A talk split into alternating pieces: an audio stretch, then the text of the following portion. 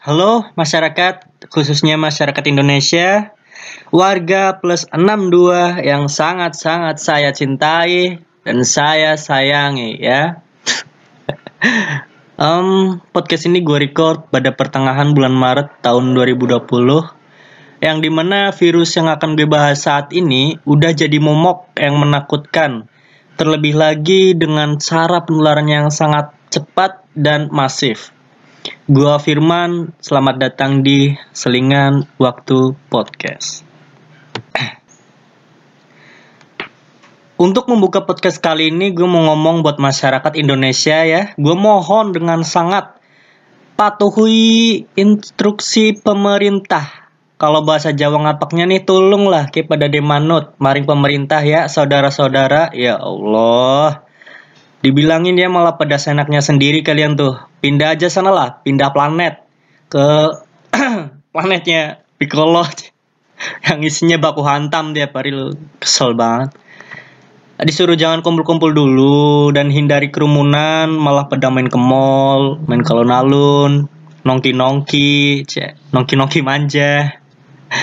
Terus gue juga pernah lihat ya di tweet itu disuruh pemerintah gitu malah pada kumpul kebo di kosan. Waduh bahaya nih bahaya bahaya. Ya yang di mana kita ketahui bahwa presiden kita presiden Jokowi pernah ngomong bahwa kita untuk sementara ini belajar di rumah bekerja di rumah dan beribadah di rumah. Seperti pada episode sebelumnya episode perkenalan, gue pernah ngomong kalau kampus-kampus sekarang ini tuh diubah yang tadinya perkuliahan tatap muka jadi perkuliahan secara online yang artinya kita harus tetap produktif gitu walaupun kita melakukan suatu hal itu di rumah aja. Ya lanjut ke bahas virusnya. gue nonton di YouTube-nya di podcastnya Om Deddy Corbuzier ya dengan narasumber juru bicara pemerintah Bapak Ahmad Yuryanto. kalau beliau tuh bilang kalau dulu pernah ada SARS di tahun 2002 dan MERS di tahun 2011. Dan ternyata SARS sama MERS itu juga termasuk dalam varian virus corona. Beliau juga menambahkan kalau pada saat SARS yang ada di tahun 2002 penggunaan media sosial juga belum secanggih kayak saat ini gitu loh kayak dulu belum segampang memberikan atau menerima berita kayak yang sekarang ini. Kalau dulu kan uh, masih pakai HP jadul ya, pakai HP Nokia jadul. Dan uh, eh, BTW bapak gue juga masih punya tuh yang HP Nokia jadul yang masih lancar jaya banget gitu loh walaupun ya sekarang kayak nggak layak pakai gitu tapi ternyata masih lancar jaya banget. Kalau lanjut lanjut ke MERS-nya ya? Lanjut ke MERS yang ada di tahun 2011 walaupun angka kematiannya tinggi tetapi transmisi atau penularannya dari manusia ke manusia lain itu sulit gitu. Beda sama yang sekarang yang kita kenal yang namanya COVID-19 yang penularnya itu jauh lebih mudah dari manusia ke manusia lain. Yang artinya COVID-19 ini penularannya jauh lebih gampang dan cepat banget. Ya virus corona ini dulunya tuh habitatnya aslinya. Aduh, belibet. Virus corona tuh ada di binatang gitu. Secara alami sebenarnya ada di binatang yang mengalami mutasi gitu. Jadi kalau virus ini jadi aduh muter-muter muter-muter Oke, gue ulang aja lah ya. Jadi dari COVID, eh dari COVID, dari virus corona ini aslinya itu ada di uh, binatang gitu. Terus dia si virus ini tuh mengalami mutasi atau perubahan gitu. Jadi bisa menular ke manusia dari binatang ke manusia dan dari manusia itu bisa menularkan ke manusia lain gitu. Terus saat MERS penularannya itu manusia dari manusia lain itu nggak semudah COVID-19 gitu. Lancar lumayan lumayan lumayan. gue sebenarnya kalau lagi ngomong kayak gini masih masih apa ya? Masih kayak mikir gitu mau ngomong apa lagi ku kalimat-kalimat yang mau gue sampaikan tuh belibet gitu. BTW ini record kelima record kelima satu dua tiga empatnya tuh waduh hancur lah. Makanya gue gue ini orangnya uh, apa ya? Apa ayo ya yo lebih ke perfeksionis. Kalau orang-orang nyebutnya tuh lebih ke perfeksionis. Jadi gue pengen kalau podcast ini gue bikin senatural mungkin gitu. Biar apa ya kayak sekali tag biar edit-edit sedikit lah biar nggak nggak ada apa terlalu diedit banget gitu. Ya gimana sih ngomongnya? Gitulah pokoknya. Nah lanjut lagi. Jadi saya tekankan ya tolong dulu jangan bepergian kalian tuh kalau nggak darurat darurat banget gitu. Sehabis berpergian gitu pas pulang langsung cuci tangan ya. Cuci tangan yang bersih yang benar gitu apalagi kalau buat muslim tuh uh, lebih afdolnya tuh wudhu biar berkah juga gitu kan kalau mau ngapa-ngapain. Nah tadi banget nih pas gue mau bikin podcast ya ada grup WA gitu malah pada ngajakin futsal gitu kan bangke gitu. Bangke banget. Udah tahu ke, uh, udah tahu ada wabah gini gitu loh. Uh, penyebarannya tuh ya eh penularannya tuh cepet banget itu gampang banget nih malah pada ngajakin futsal gitu loh Aduh, serah kalian lah mau futsal kayak mau main bola di tengah-tengah rumah sakit kayak atau mau ngapain lah bodo amat pengen banget tuh uh, balas chat pakai kata-kata kasar makian tapi udahlah ini gue mau baca ada dari halo halo.com kilas balik MERS dan SARS yang dibuat uh, yang dibuat pada tanggal 14 Februari 2020. SARS yang muncul pada 2002 di Tiongkok pada bulan November menyebar ke beberapa negara lain mulai dari Hong Kong, Vietnam, Singapura, Indonesia, no Indonesia dulu pernah, Malaysia, Eropa. Yang Eropa tuh ada Inggris, Italia, Swedia, Swiss dan Rusia hingga Amerika Serikat. Epidemi SARS yang berakhir hingga pertengahan 2003 itu menjangkit 8.098 orang di berbagai negara. Tuh kalau orang 8.000 dimasukin dalam satu ruangan itu sesak banget tuh nggak? Bayangin tuh 8.000 tuh orang ya, bukan kerikil, bukan daun, bukan orang itu mah. Lalu korban setidaknya ada 774 orang kehilangan nyawa akibat infeksi saluran pernapasan berat. Nah, ada 774 tuh yang yang mati itu gara-gara si SARS ini.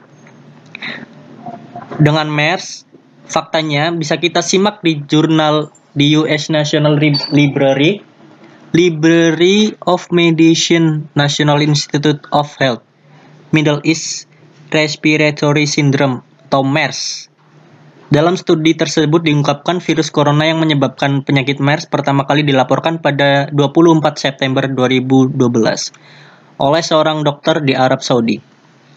MERS tercatat resmi di WHO di di, di, di WHO pada September 2012. WHO ya. Oh, salah ngomong WH, WOA, W astagfirullah. Yuk, udahlah, yuk lah. Menurut Badan Kesehatan Dunia atau WHO, sejak muncul kali pertama pada 2012, MERS telah menewaskan sekitar 858 orang. Ini lebih tinggi ya daripada si SARS. Ya, SARS tadi 774 orang. Kalau di Mars, eh di Mars, di MERS, MERS itu 800 858. Penyakit ini tak hanya mewabah pada 2012 saja, tetapi juga pada juga pada ala juga muncul pada 2016 hingga 2018. Bentar, minum dulu kali ya. Ngopi kita.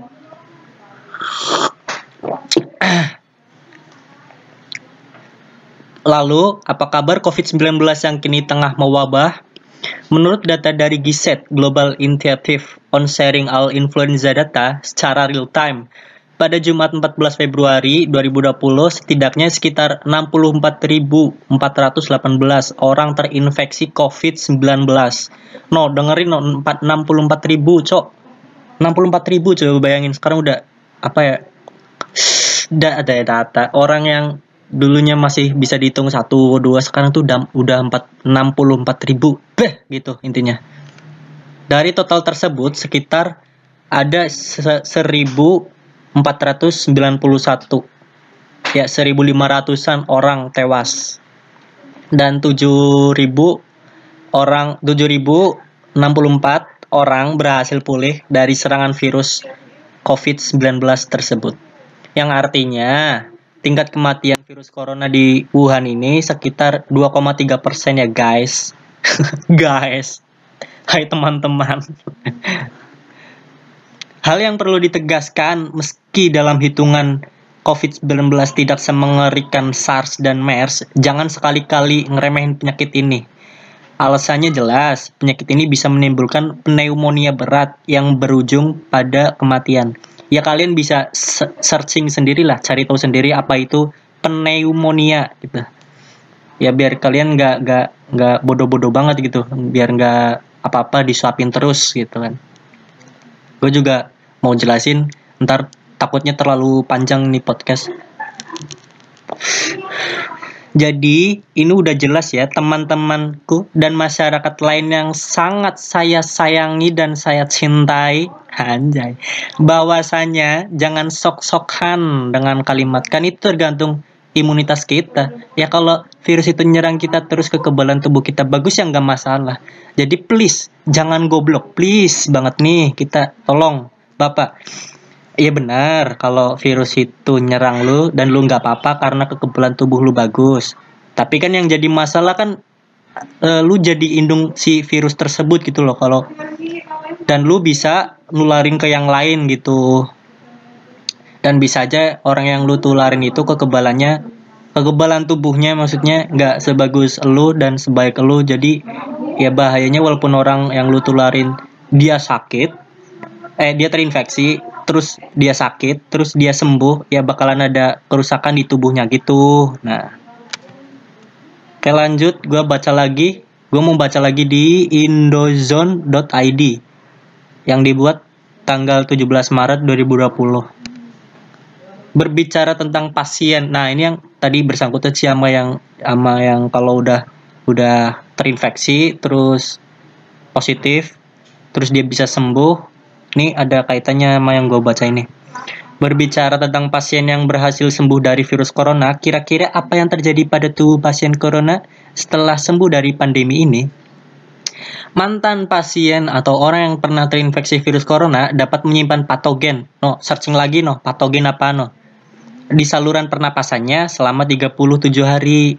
Artinya, patogen dari virus corona masih tetap dapat menular selama berminggu-minggu. Nah, lihat no, ini data ya data iya, maksudnya gue gua bukan ngarang sendiri maksudnya gue baca ini di indozone.id itu kalau mantan pasien yang terinfeksi itu e, di tubuhnya menyimpan patogen di saluran pernapasannya itu selama 37 hari gitu saat menjalani karantina selama 14 hari, meskipun gejala virus corona udah hilang, namun masih ada kemungkinan bila mantan pasien corona tersebut menularkan virus pada orang lain. Nah, bener apa yang gua ngomong tadi? Kalau lu udah sembuh ya, lu masih bisa juga nularin ke orang lain itu.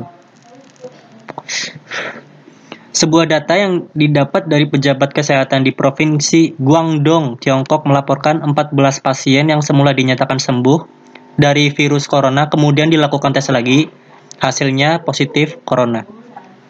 Dilansir dari Reuters akhir Februari lalu, seorang wanita di Osaka, Jepang kembali dinyatakan positif corona setelah sempat sembuh. Oh, jadi kalau orang yang udah sembuh tuh bisa oke okay, oke. Okay. Bisa bisa itu lagi ya, bisa positif corona lagi ya. Hmm. Oke lanjut. Lantas, kenapa hal ini bisa terjadi? Sebenarnya ada jumlah kemungkinan yang menjadi jawaban dari kondisi ini. Pertama, ada kemungkinan bahwa infeksi itu tetap tidak aktif setelah serangan awal virus corona dengan gejala yang minim sebelum menyerang paru-paru. Sedangkan kemungkinan kedua ialah karena adanya kesalahan dari tahap pengujian yang tidak akurat terhadap pasien pada pertama tes. Artinya, pasien dipulangkan dalam keadaan tidak sepenuhnya baik. Namun, saat virus tersebut dikalahkan oleh sistem kekebalan tubuh, maka tubuh tahu bagaimana cara mengalahkan virus itu kembali. Tapi kondisi tersebut tidak berlaku bagi pasien yang memiliki sindrom defisiensi imunitas seperti pengidap HIV. Oh, jadi kalau ada orang dia pengidap HIV terus dia terserang virus corona terus dia sembuh terus dia terserang lagi terus jadi eh gimana sih? Entar dulu entar dulu. Saat virus corona tersebut berhasil dikalahkan maka ah maka tubuh atau bagaimana cara mengalahkan oke gue jelasin kembali ya jadi kalau ada orang yang pengidap HIV terus dia terserang virus corona terus sembuh terus mau terserang virus corona lagi tuh sistem kekebalan tubuhnya tuh udah udah apa ya nggak berlaku gitu loh. Masih tetap bisa terserang corona kembali gitu. Beda kalau orang yang bukan pengidap HIV ya bukan ya. Kalau bukan kan kita e, terserang virus corona terus sembuh terus terserang virus corona lagi itu kita bisa pulih sendiri gitu ya kata si ini maksudnya gue nggak tahu sih sebenarnya. Ya tapi ini dari indozone.id ya bukan kata gue ya balik lagi tadi. Oke lanjut. Yang selanjutnya. Dr. Owen Sang Tak Yin, Direktur Medis dari Pusat Penyakit Menular di Rumah Sakit Princess Margaret di Kwai Chung mengatakan dari banyaknya pasien corona yang dipulangkan, dua hingga tiga orang tak bisa melakukan aktivitas seperti biasa. Oh, jadi ada dua, dua hingga tiga orang yang tak bisa melakukan aktivitas seperti biasa. Berarti, berarti, berarti, berarti ya, ya, ya, ya, mungkin, mungkin ya, mungkin ya, di tubuhnya ada yang rusak. Mungkin kekebalan tubuhnya atau atau apa gitu. Ya kalian bisa lah di uh, apa dicari terus. Kasih tahu gue jangan juga panik buying ya teman-teman. Ya panik buying itu ya lu panik dengan apa yang ada yang sedang terjadi. Terus lu beli semua kebutuhan lu gitu. Mau masker ataupun hand sanitizer lu beli semua nyetok sebanyak-banyaknya. Itu kan udah ada undang-undangnya gitu loh Bambang. Eh Kirdun. Ya maksudnya jangan semuanya sendirilah lu boleh nyetok tapi yang wajar gitu. Kan kasihan juga yang lain pengen beli masker sama hand sanitizernya ya. Dan lu jangan juga berulah gitu. Lu udah nyetok banyak-banyak terus lu jual-jualin lagi gitu dengan harga yang mahal atau yang tinggi gitu. Tuh lu bisa kena pasal lu. Mampus. Tetap berusaha menjaga diri agar tidak terinfeksi dan jangan lupa berdoa oke? okay? Jangan malah cuma berdoa doang dan lu nggak berusaha buat cuci tangan atau ngapain gitu kan dan untuk orang yang di sana ya bilang vir pas virus ini muncul di Cina terus kalian ngata-ngatain itu azab ya sekarang kalian pada ke mana gitu? Seakan-akan pede bahwa Tuhan tuh pada nolongin lu ya emang lu siapa? gitu. Emang lu siapa? Bisa langsung ditolong sama Tuhan gitu kan. Ya kan lu juga per, harusnya perlu berusaha gitu kan. Nah, cuma berdoa doang Bambang. Sebenarnya pengen ngomong banyak ya tentang virus ini. Lebih tepatnya ya yang COVID-19 yang yang ada sekarang ini gitu. COVID-19 ya. Tapi sepertinya akan jadi bahasan yang panjang banget dan gue nggak mungkin ngomongin ini semuanya sendiri karena ya gue akuin ada banyak banget sumber dan ya apa yang gue sampaikan sekarang ini hanya dari pengetahuan pemikiran gue yang gue dapet sekarang ini gitu banyak negara-negara yang lockdown gitu. Nah, kalian bisa cari itu tuh lockdown itu apa gitu. Uh, positifnya adanya lockdown atau negatifnya dengan adanya lockdown itu apa dan ngomongin dampak virus ini ke suatu negara tuh ya banyak banget ya dari ekonomi, pertahanan negara dan lainnya lah pokoknya banyak banget. Dan ya balik lagi gue bak nggak bakal ngomongin ini semuanya gitu. karena gue ya cuma terbatas lah sumber-sumbernya paling dari internet terus baca-baca buku doang gitu. Ah ya ini baru banget. Gue dapat kabar dari grup WA kelas ya. Ini sih kayaknya dari screenshotan gitu. Ya bener atau enggaknya ya gue nggak tahu. Tapi pengen gue bacain aja ya biar uh, waktunya nambah gitu podcast ini. Dikit lah. Dan kalian juga kalau ada yang tahu berita ini bener atau enggak bisa kalian kasih tahu di kolom komentar. Ini dari temen gua. Mana ya? Oh ya. Assalamualaikum. Nih gue bacain. Assalamualaikum warahmatullahi wabarakatuh. Bapak, Ibu, telah dikonfirmasi Purwokerto. Nah, ini gue kan udah pernah uh, ngomongin kalau gue mahasiswa di salah satu kampus swasta yang ada di Purwokerto, di kota Purwokerto. Ada satu orang positif COVID-19.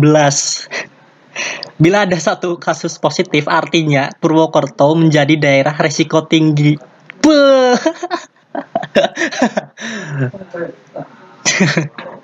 Hindari berpergian ke Purwokerto kalau nggak penting banget. Bila ada satu kasus positif, artinya positif, eh positif Purwokerto menjadi daerah resiko tinggi. Hindari berpergian ke Purwokerto kalau tidak penting sekali. Oke. Bila udah dari Purwokerto, warga dianggap beresiko terinfeksi corona. Oke. Dan bila ada keluhan demam batuk pilek dalam 14 hari terakhir setelah kunjungan dianggap ODP dan harus melapor atau dilaporkan ke puskesmas. Tolong kepedulian Bapak Ibu untuk lebih menggencarkan sosialisasi pentingnya banyak terdiam di rumah. Hindari daerah endemis atau daerah risiko tinggi. Uh, eh, COVID-19 di depan mata kita. Kita sanggup menghadapinya kalau Bapak Ibu peduli, kalau semua mau menuruti aturan dan himbauan tenaga kesehatan. Jaga diri, salam sehat. Nah, baru gue ngomongin ya. Ini biar real time gitu gue gue bikin ini gitu terus ada ini ada berita gitu dari grup WA. Wah, lumayan ngeri ya di kota Purwokerto udah ada satu orang yang positif. Jadi please jangan menyepelekan wabah ini, stay safe. Ingat-ingat lagi perkataan Pak Jokowi. Belajar di rumah, bekerja di rumah, beribadah di rumah. Hanya untuk sementara. Hanya untuk sementara. ya kalau memungkinkan kok kan ada ada orang yang uh, upah harian gitu yang kerjanya maksudnya apa ya? Uh, kayak ojek online gitu dia nggak bisa dapat penghasilan kalau dia nggak keluar gitu. Ya maksudnya kalau kalian memungkinkan buat bekerja di rumah ya bekerja di rumah gitu. Kalau jangan jangan keluar lah intinya kalau nggak darurat banget kalau nggak penting-penting banget gitu tetap optimis buat apa-apa yang sedang terjadi sekarang ini mohon maaf apabila ada salah kata dari gue gue ucapin terima kasih buat kalian atas perhatian kalian semua dan oh ya di episode episode pertama gue ngomong bakal upload podcast tiap minggu sekali. Tapi itu tuh ya minim-minimnya lah seminggu sekali gitu. Ya tapi kalau lagi pengen banget bahas sesuatu terus di otak itu masih kesimpan eh maksudnya apa ya? Ya lagi apa ya? Hmm, buat ngomong tuh enak lah, dapat moodnya gitu. Bakal langsung gue bahas dan langsung gue bikin podcastnya. Jangan lupa subscribe kalau lu masih mau denger gue ngomong like kalau lu suka dislike aja kalau nggak suka nggak apa-apa Gua Firman sekian dan terima kasih